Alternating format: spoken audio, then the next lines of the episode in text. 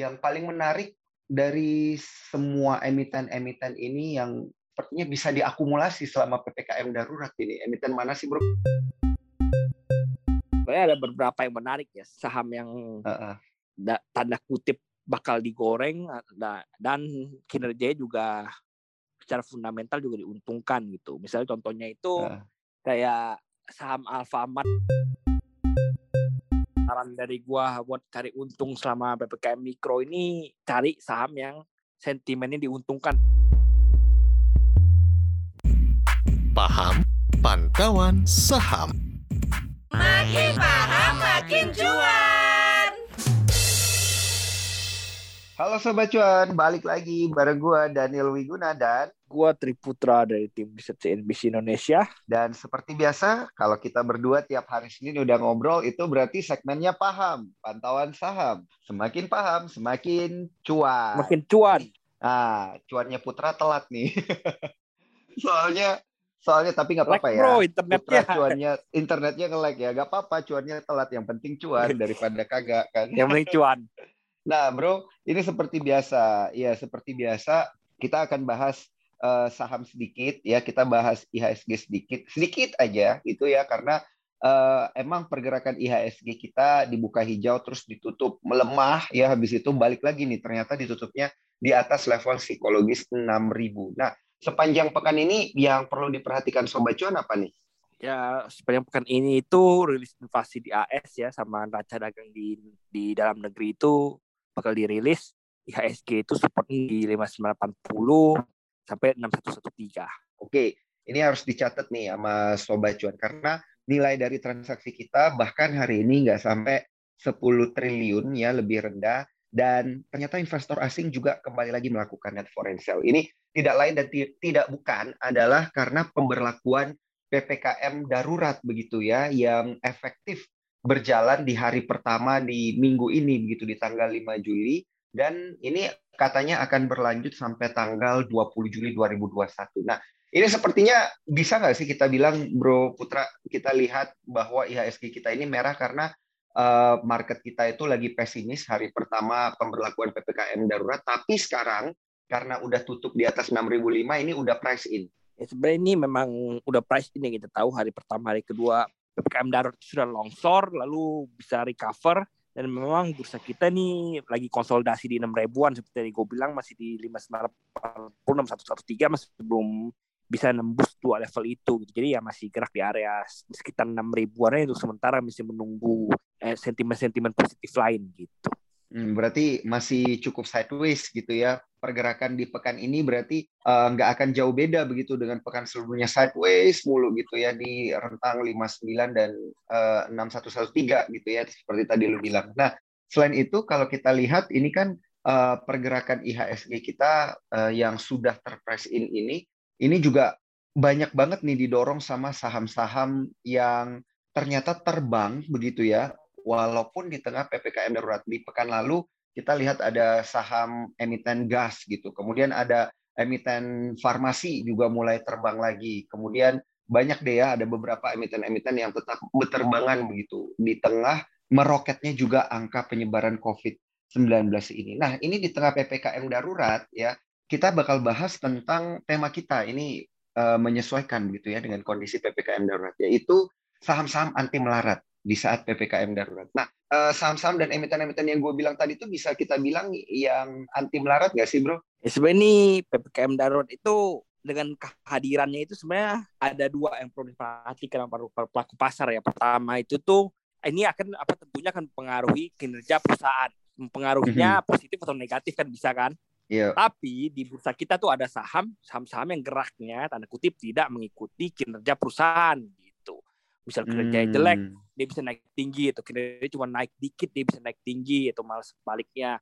Walaupun kinerjanya naik dia ambruk parah gitu. Jadi ini sobat cuan harus perhatiin spesi apa spek sahamnya apa dulu gitu. Misalnya sahamnya ini emang hmm. secara historis ngikutin pergerakan kinerjanya ah, berarti dicek ini perusahaan kinerjanya akan bagus atau enggak gara-gara PPKM mikro darurat gitu lalu misalnya hmm. ternyata dicek ternyata secara historis nggak pernah ngikutin fundamentalnya ya udah biasanya digoreng kok apa naik atau turunnya berdasarkan sentimennya contoh misalnya kan saham-saham itu ya, saham-saham farmasi ya. Ini kan memang mm -hmm. kenaikannya itu udah nggak ngikutin fundamentalnya gitu. Memang dengan ada ppkm mikro itu fundamentalnya akan diuntungkan, secara fundamental akan diuntungkan karena kita tahu apotek dan lain-lain itu masih boleh buka 24 jam.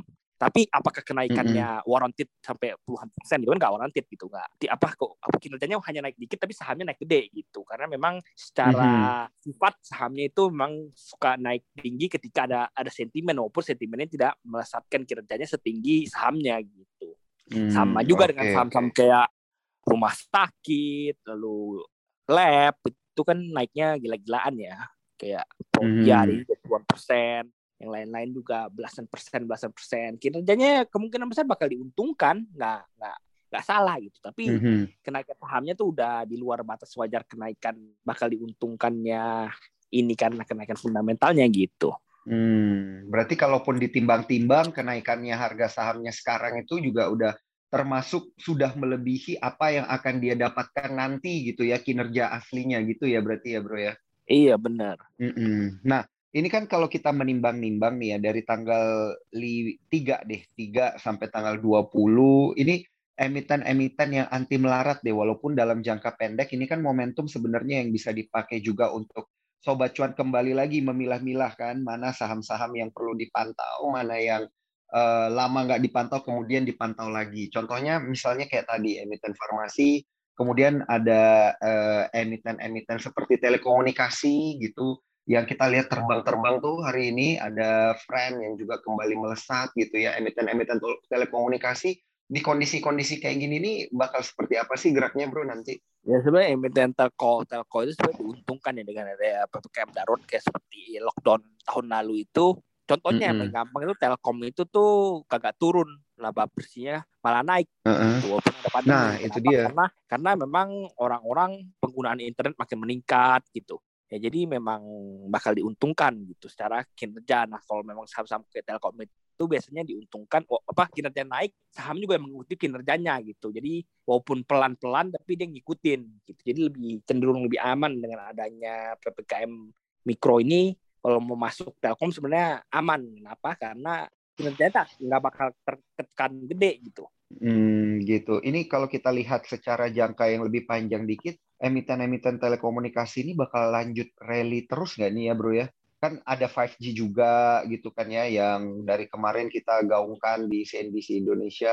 Ini katanya bakal menyokong era teknologi komunikasi dan lain sebagainya. Ini untuk jangka panjang apakah emang bener nih bakal rally terus apa nanti bakal ada momentum koreksi juga nih ya sebenarnya masing-masing emiten telco ini menarik semuanya masih menarik ya dari yang powernya sampai telkonya contohnya tuh paling gampang tuh telkom itu kan dia ada investasi di GoTo Gojek ya dan mm-hmm. dari Gojek tuh akan IPO jadi pastinya akan diuntungkan gitu lalu Indosat dan Excel akan merger lagi difinalisasi mergernya dengan mm-hmm. bergabungnya mereka mereka bisa menjadi fix nomor dua gitu sebelumnya kan Indosat sama Excel kan bersaing mulu dua tiga dua tiga kan nah dengan mereka bergabung mm-hmm. mereka bisa bersaing dengan dua rasi satu walaupun memang masih jauh ya Telkom dengan Excel Indosat itu gapnya masih terlalu lebar gitu tapi mm-hmm. posisi tak posisinya jadi lebih baik gitu karena posisi dua dan tiga bergabung gitu ya memang masing-masing tuh ada ada sentimen positifnya masing sendiri-sendiri gitu. Jadi ya masih menarik hmm, sebenarnya Oke okay, okay.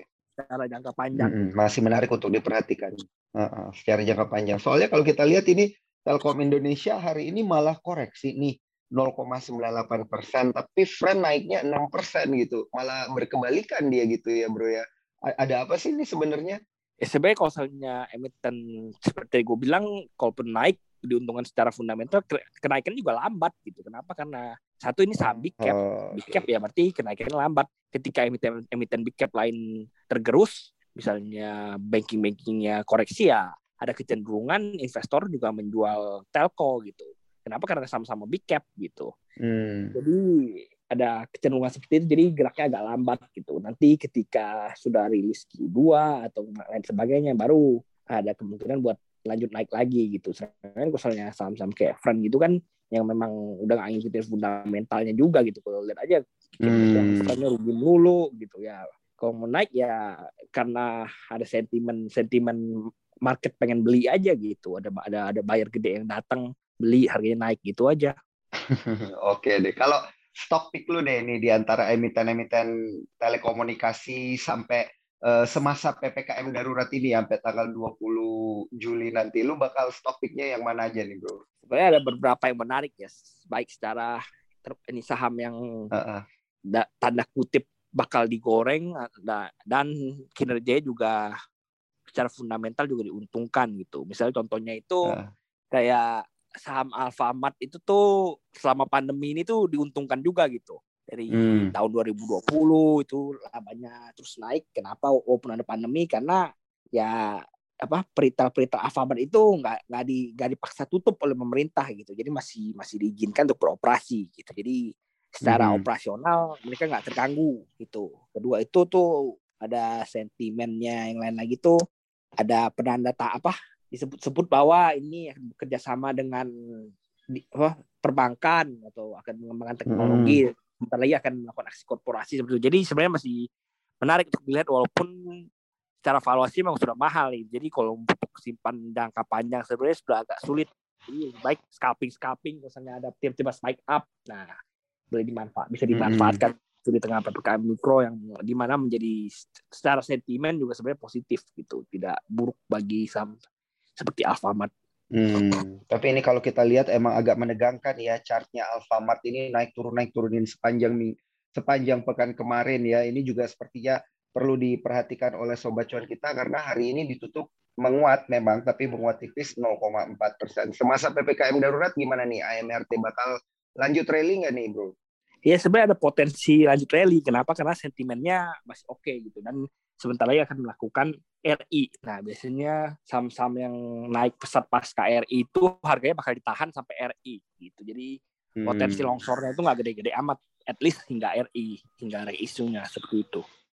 Baik. Nah, ini kalau nasibnya sobat cuan kita yang selama ini udah banyak nyangkut begitu di emiten-emiten farmasi, terus orang-orang udah mulai lupain emiten farmasi, terus sekarang tiba-tiba emiten farmasinya mulai gerak lagi. Nah ini pandangan lu gimana nih di masa ppkm darurat? Ya sebenarnya kalau nyangkutnya HP ATH-nya level ATH itu balik ke sana udah susah ya gitu sampai KFI tujuh ribu sampai ya, tujuh ribu enam ribu itu susah balik ke sana. Jadi kalaupun lu mau berharap bisa untung, ya lu terpaksa average down. Tapi sebenarnya bagi gua itu uh, kayak orang tuh seperti gue selalu bilang itu lu jangan terlalu cinta sama satu saham gitu. Jadi misalnya lu udah lost satu yeah. ya udah. Akui aja ke kekalahan lu gitu. Nggak perlu sampai maksa-maksa fresh down. Jadi yang ada ketika longsor lu malah rugi makin banyak gitu. Tapi kalau ada dari beberapa dari mereka yang belum cut loss cut loss nih kan dia misalnya beli di 6.900 di 7.000 ini kan berarti udah 50 persenan nih minus hmm? dari level pembeliannya gitu ya. Udah kurang lebih level pembeliannya udah loss 50 persen. Itu bagusnya di cut loss saja atau gimana nih bro? Itu yang gue bilang salah satu opsinya kalau mau untung karena ini lagi mulai kembali up. Average down ya, gitu ya. Average down gitu. Tapi ya sekali lagi gue bilang ini berbahaya lo lakukan kenapa? Karena ya seperti gue bilang sahamnya udah terlalu mahal gitu. Jadi ketika udah mencoba naik dia mencoba naik gak apa udah ketemu plateau lagi udah pucuk lagi longsor lu mm -hmm. belum belum belum jualan lagi loss lu bakal makin banyak gitu Hmm, oke okay, oke. Okay, Karena okay. kemungkinan jadi balik ke level tujuh ribu tuh udah hampir sangat kecil banget gitu. Hmm, jadi ini yang perlu diperhatiin sobat cuan karena apakah kalau PPKM darurat ini udah selesai saham farmasinya bakal turun lagi gitu, Bro? Ya sebenarnya saham farmasi itu bukan bukan masalah PPKM daruratnya selesai lalu sahamnya turun lagi nggak nggak gitu juga tapi ketika mm -hmm. ini market makernya misalnya udah lihat oh ini udah terdistribusi udah terdistribusi udah puas distribusi ya sahamnya bakal longsor dengan sendirinya seperti itu jadi ini kan naik tuh karena market makernya ketemu sentimen sentimen aja ya buat goreng biar orang ada minat gitu misalnya contohnya lah uh, saham sah, apa udah covidnya udah selesai semua lalu saham farmasi tiba-tiba mm -hmm. naik gak ada angin gak ada hujan kan orang malas mm -hmm. orang juga malas mau beli kan gitu kan apa nih gak ada angin gak ada hujan naik nah tapi kan ini sentimennya ada gitu. jadi orang lebih lebih terencourage lah buat beli karena ada sentimennya gitu. Oke, tapi kalau lu lihat ya ini sneak peek buat sobat cuan aja. Kalau lu lihat nih level resistennya ada di berapa nih? Karena kayaknya sekarang KF Inaf udah balik ke 3.300-an lagi nih. Kalau KF kayaknya 3.400. Resisten yang uh, logis gitu ya buat para sobat cuan kita di level-level berapa nih yang perlu diperhatiin nih bro? Ya untuk KF dulu ya. Kalau KF ya, itu KF tuh dulu. Most likely dia nggak bakal jebol level 3000 dan di resistnya Mm-mm. tuh di 3100 ini nggak most likely nggak bakal jebol 3100 misalnya jebol misalnya jebol ternyata jebol 3100 most likely nggak bakal jebol 3000 gitu jadi 3000 tuh resist kuatnya 3100 Mm-mm. tuh R2 nya gitu sedangkan Oh, misalnya oke. dia mau naik naik balik ke level di atas dia kalau dia sanggup tembus level 3500 dia bisa kembali naik gitu Hmm, jadi jadi perlu dilihat 3100 dulu ya. 3500 level yang perlu diperhatikan Mm-mm. Berarti ini Sobat Cuan juga kalau emang resistnya ada di 3.500-an untuk penentuan nih berarti kan udah cukup semakin kecil begitu ya potensial upside-nya nih berarti Sobat Cuan harus berhati-hati juga nih kalkulasinya harus tepat. Inaf sama juga ya bro ya 3.500 Inas juga sama nih, karena 3500 nggak- nggak jauh sama beda nih kan. 3100 ini nggak jauh beda sebenarnya ya Hmm. R-nya di 3100 resist kuatnya di sekitar 3000-an dan kalau misalnya mau Mm-mm. uptrend lagi dia harus tembus level 3500 gitu Hmm, oke. Nah, ini ada satu lagi nih temennya. Kalau KF naik, Inaf naik, ada Itamara Noraya, ya Ira. Ini hari ini juga naik nih bro. 8,37 persen. Dan ini kan udah rally ya, rally terus ya dari berapa berapa hari yang lalu nih kalau kita lihat penguatannya secara mingguan aja nih udah naik 11 persen, penguatannya secara bulanan naik 36 persen gitu. Nih gimana nih lo melihat pergerakan IRA ke depannya? Minimal selama masa PPKM darurat deh. ya, sebenarnya sama aja Ira KF Inaf ya bersaudara gitu ketika Mm-mm. memang sentimennya bagus untuk harga sahamnya naik bakal terbang gitu. Sedangkan sebenarnya kalau sama Ira itu ada sentimen lain itu sebenarnya mau aksi korporasi ya. Ira itu sebenarnya kan cuma distributor jarum suntik gitu, distributor doang. Mm-mm. Nah, disebut-sebut dia bakal mencaplok perusahaan sister company-nya One Jack gitu yang yang di mana sister company ini baru produsen jarum suntik gitu. Hmm, oke. Nah, ini berarti bisa dimanfaatin ya buat momentum. Langsung aja gua tanya, resistnya gimana nih resistnya? Apakah 2.500 gitu? Supaya ada sama-sama 500-nya kan?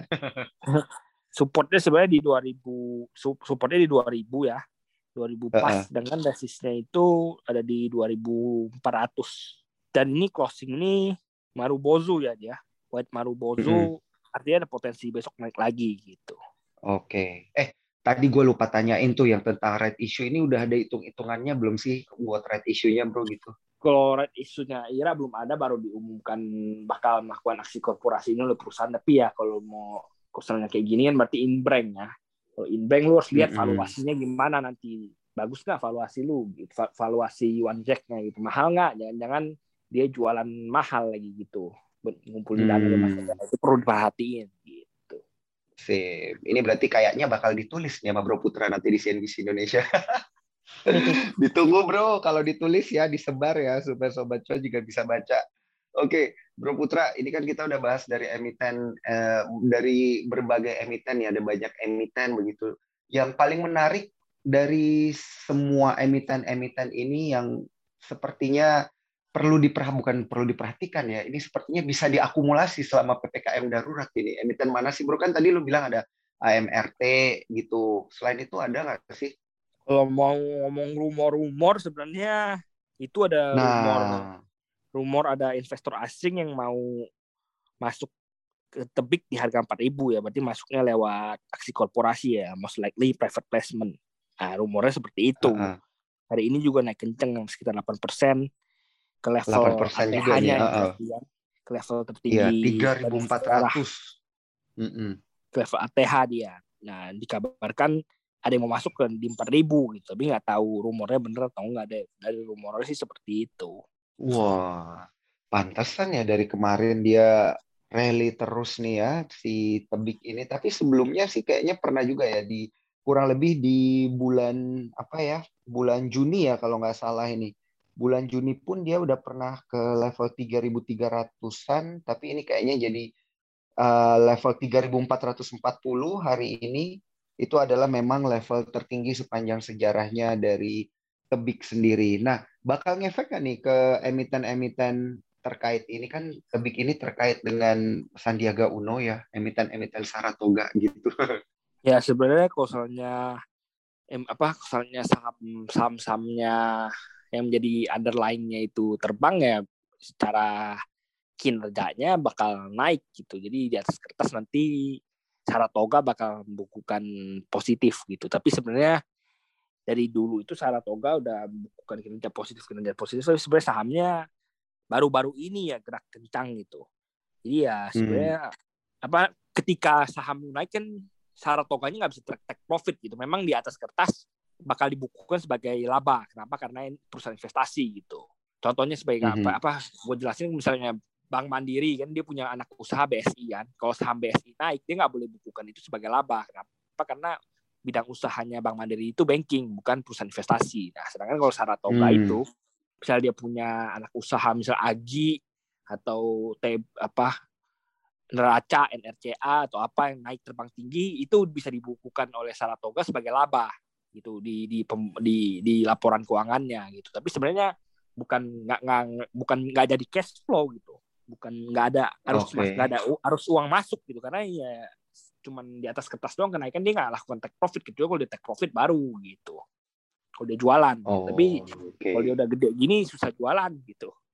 Oke bro, kalau udah habis dari emiten Saratoga nih kita beralih ke emiten-emiten tambang nih. Menurut lu gimana nih melihat emiten-emiten tambang kita? Karena kan di tengah PPKM darurat ini emiten emiten-emiten minyak lah gitu ya, energi, tambang minyak gitu. Sepertinya bakal kena uh, dan sudah kena sentimen negatif nih dari OPEC Plus.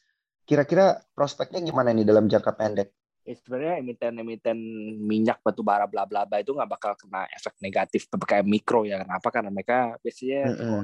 strategis jadi ya tetap bisa beroperasi dan, dan tentunya harus ada protokol-protokol kesehatan gitu pakai masker atau apa bla bla tapi memang secara operasional nggak terganggu gitu tapi ya misalnya uh, uh. mau perhatiin harga komoditasnya batu bara atau bla bla blanya bukan dampaknya bukan dari ppkm mikro lagi gitu. Mm-hmm. Tapi dari itu ya kan kita dengerin hari ini ada berita tentang OPEC Plus gitu masih iya. apa? Dampaknya udah dari ke OPEC Plus gitu bukan ppkm lagi. Mm-hmm. Jadi uh, sobat cuan kita yang udah punya emiten-emiten energi dan tambang itu sekarang nggak perlu deg-degan ya, lega ya berarti ya. ya, ya pokoknya eh, ya mereka nggak nggak apa intinya ini secara kinerja nggak bakal terpengaruhi gitu. Secara operasional nggak bakal terpengaruhi lebih ke komunitas harga komunitas ya kalau misalnya emiten energi, tambang dan kawan-kawan gitu.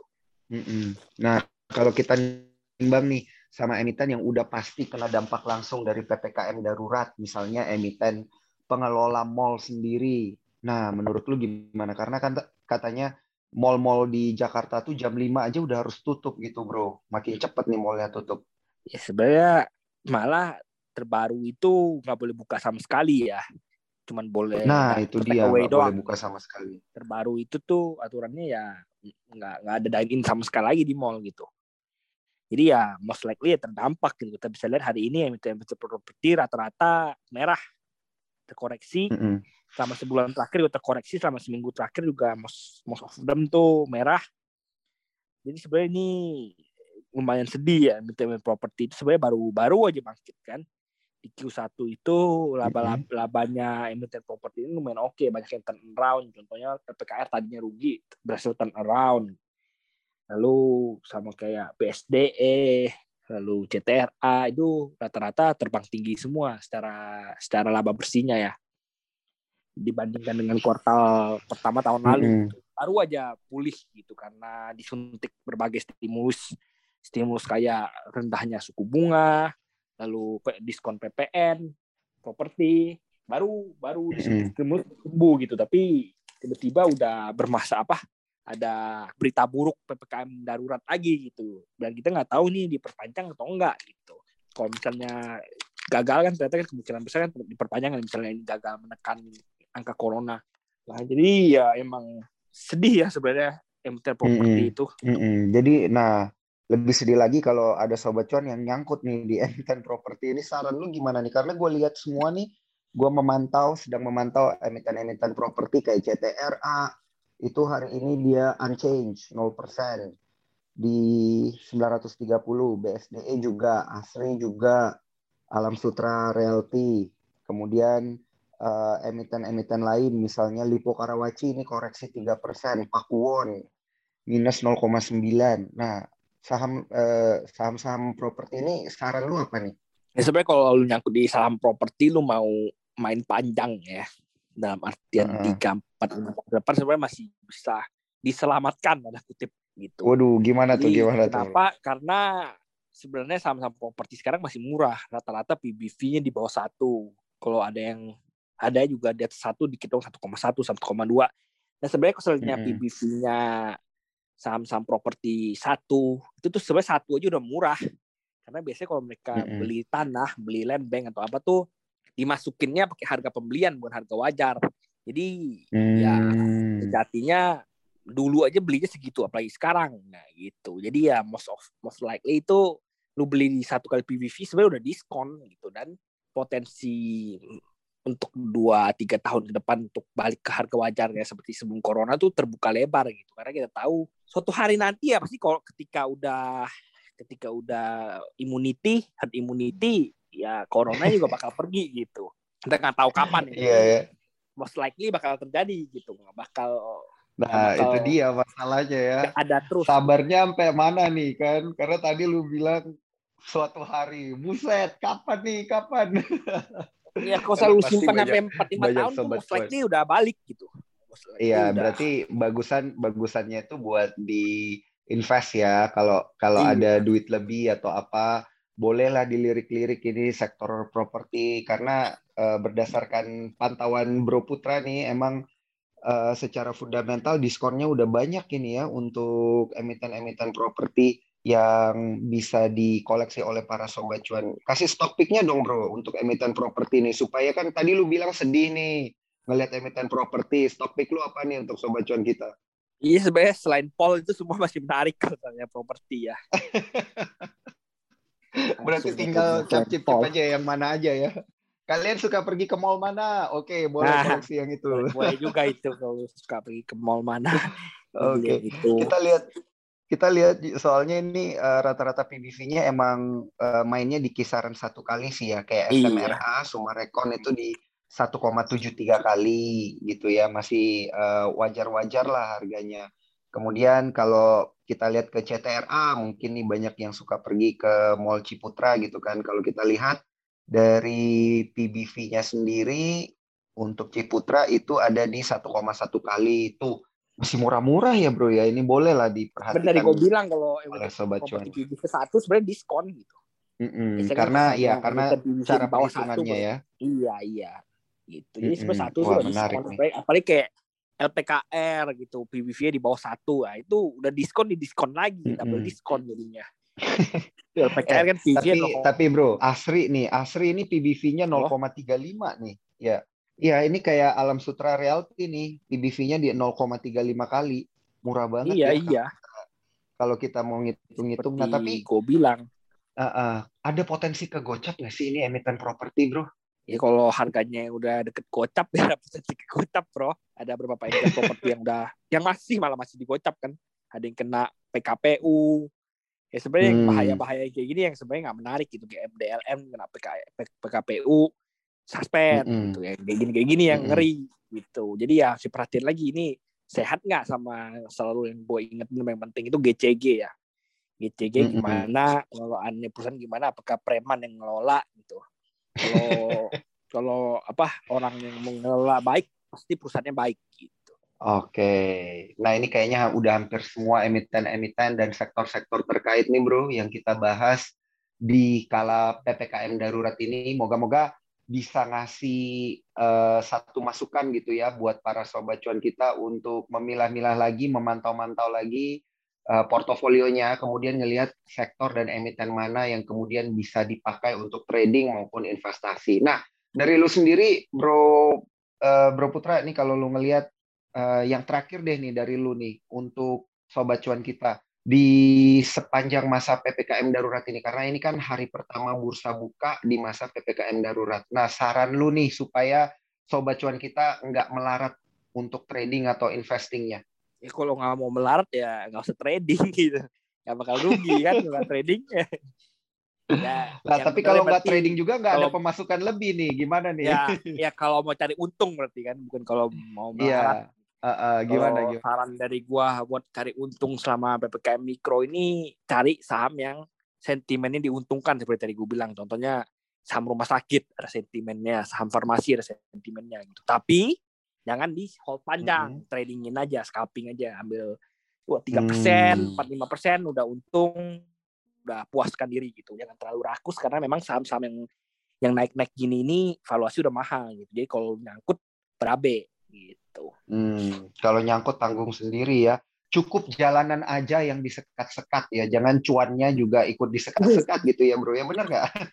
benar bro Oke, Sobat Cuan, itu dia tadi ya tips-tipsnya dan juga sektor emiten yang mana yang eh, perlu dipertimbangkan dan dipilah-pilah.